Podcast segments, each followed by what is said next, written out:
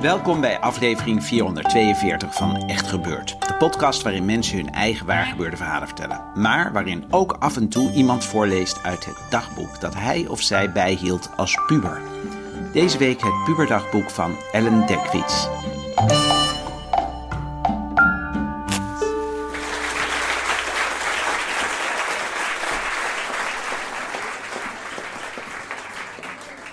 Hallo allemaal. Jongens, wat leuk. En toch voelt het alsof ik een beetje ga vreemd gaan. Alsof ik even niet meer trouw ben aan mijn 13, 14-jarige zelf. Dus uh, ze zal in een heel raar tijd ruimtevacuüm mij ooit hier ongelooflijk voor op mijn donder geven. Maar ik geloof daar helemaal niet in, dus ik ga gewoon lekker voorlezen.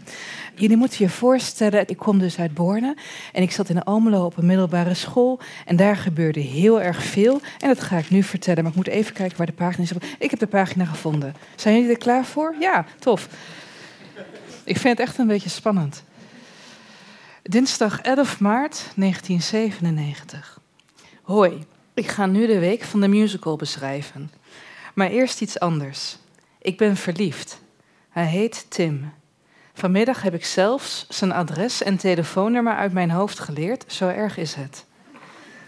Ik weet niet waarom ik dit opschrijf. Misschien een paranormaal iets dat ik later met hem trouw en hem dit laat lezen en hij zich doodlacht, zijn schortje aandoet en begint te stofzuigen, terwijl,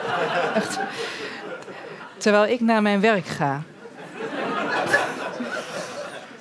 Hij zit bij mijn beste vriendin Charmaine in de klas. Hij is verlegen en heel knap. Ik heb samen met hem handenarbeid. Wat is het leuk om naar school te gaan, vooral wanneer je gek op iemand bent. Ik ben zo gek op hem. Misschien komt het wel door het voorjaar, de vogels, de zon. De grote vraag is echter: hoe maak ik contact met iemand die ik niet ken? Hm, waarschijnlijk breken hier dagelijks miljoenen meisjes hun hoofd over, inclusief ik. Zal ik hem uitnodigen via Charmaine om met een stel vrienden naar Lucky te gaan? Lucky is een discotheek in Twente. En daar, daar, daar, schenken ze heel veel rosé. En ik heb me laatst laten vertellen dat rosé een ander woord is voor hoerendiesel in Twente. Terug naar het dagboek. Hmm, als Charmaine maar mag van haar best wel strenge moeder. In ieder geval gaat hij wel naar de musical. Dus kan Charmaine me aan hem voorstellen. Samen wat drinken en kletsen. En ik denk dat alle jongens blij zijn als het meisje het initiatief neemt. Omdat ze nog onzekerder zijn dan wij. Vooral omdat wij sneller en genadelozer een jongen afkraken. En vooral vanwege dat onzinnige gelach onder meisjes. Maar weet je waarom wij lachen? Om elkaar te laten zien dat je op één golflengte zit en elkaar mag. Als iemand met je lacht, weet je dat die je mag. Lach je mee, dan zijn jullie geen vijanden. Ik begin steeds meer over jongens na te denken. Alle jessen, fancies en andere artikelen heb ik al kapot gelezen. Ik ben echt toe aan verkering. Vroeger niet zo. Ach, die hormonen. Wel te rusten. En ik had een tweede fragment uit dezelfde periode.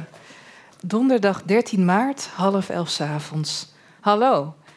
Vanochtend had ik vanwege de generale repetitie van de musical de eerste twee uur vrij. Charmaine en ik besloten om voor de kleine pauze op school te komen om Bart en Tim te zien. We komen aan in de kantine en er was geen Tim. Ik helemaal depressief. Toen liep ik naar de kaartverkoop en wie was daar? Tim. Yes. Hij gaat dinsdag naar de musical en had geen geld bij zich. Ik had helaas maar vijf gulden bij mij, anders had hij wel bij mij mogen lenen en zijn schuld in natura terugbetalen. Maar, nu, maar komt het ergste. Hij praatte voor het eerst tegen mij. Hij heeft een heel lieve stem. Jeroen was Stefan aan het belachelijk maken, maar Tim bleef eigenlijk terwijl hij weg moest. Yes, yes. In de kleine pauze was ik met een groep meisjes in de aula aan het kletsen. Tot Esther tegen mij zei: Wie is die jongen die jou de hele tijd aanstaat te gapen? En wie zag ik naar mij kijken? Tim. Oh, zwijmel, ik ben mega verliefd. Ik verheug me op morgen omdat ik hem dan zie. Ik ga vroeg naar bed zodat ik er extra goed uitzie. Maar ik weet dat ik niet kan slapen omdat ik alleen maar aan Tim kan denken. Ik heb zin in handenarbeid. En ik heb in zijn werkstuk een klein briefje gedaan met de tekst: Hoi, I love you, love from me. Hopelijk heb ik het niet in verliefde blindheid ondertekend. Gisteren had hij handenarbeid en had ik vrij. En heb ik hem gisteren vanuit de coulissen de hele tijd bewonderd. Oh, I love him. Wel trusten.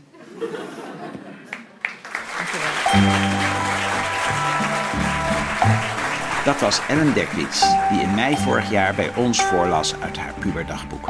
Ellen is dichter, ze schrijft voor NRC en ze presenteert de podcast Poëzie Vandaag, waarin ze werk van Nederlandse dichters voordraagt en bespreekt. Dat is beslist een aanrader, net als de boeken die ze schreef over het lezen van poëzie. Boeken die ik graag cadeau doe aan vrienden en pubers. Heb je ook nog een dagboek uit je puberjaren liggen en durf je het aan om daaruit voor te lezen tijdens een echt gebeurd verhalenmiddag? Dan kun je je aanmelden via het formulier op echtgebeurd.net. Onze redactie bestaat uit Paulien Cornelissen, Ariane Hins, Renette Kwakkenbos, Tom van Rooyen en mijzelf, Micha Wertheim. Directie Hanna Ebbingen, zaaltechniek Jasper van Oorschot, podcast Gijsbert van der Wal. Dit was aflevering 442. Bedankt voor het luisteren en trakteer jezelf deze week eens op een lekker glaasje hoerendiesel.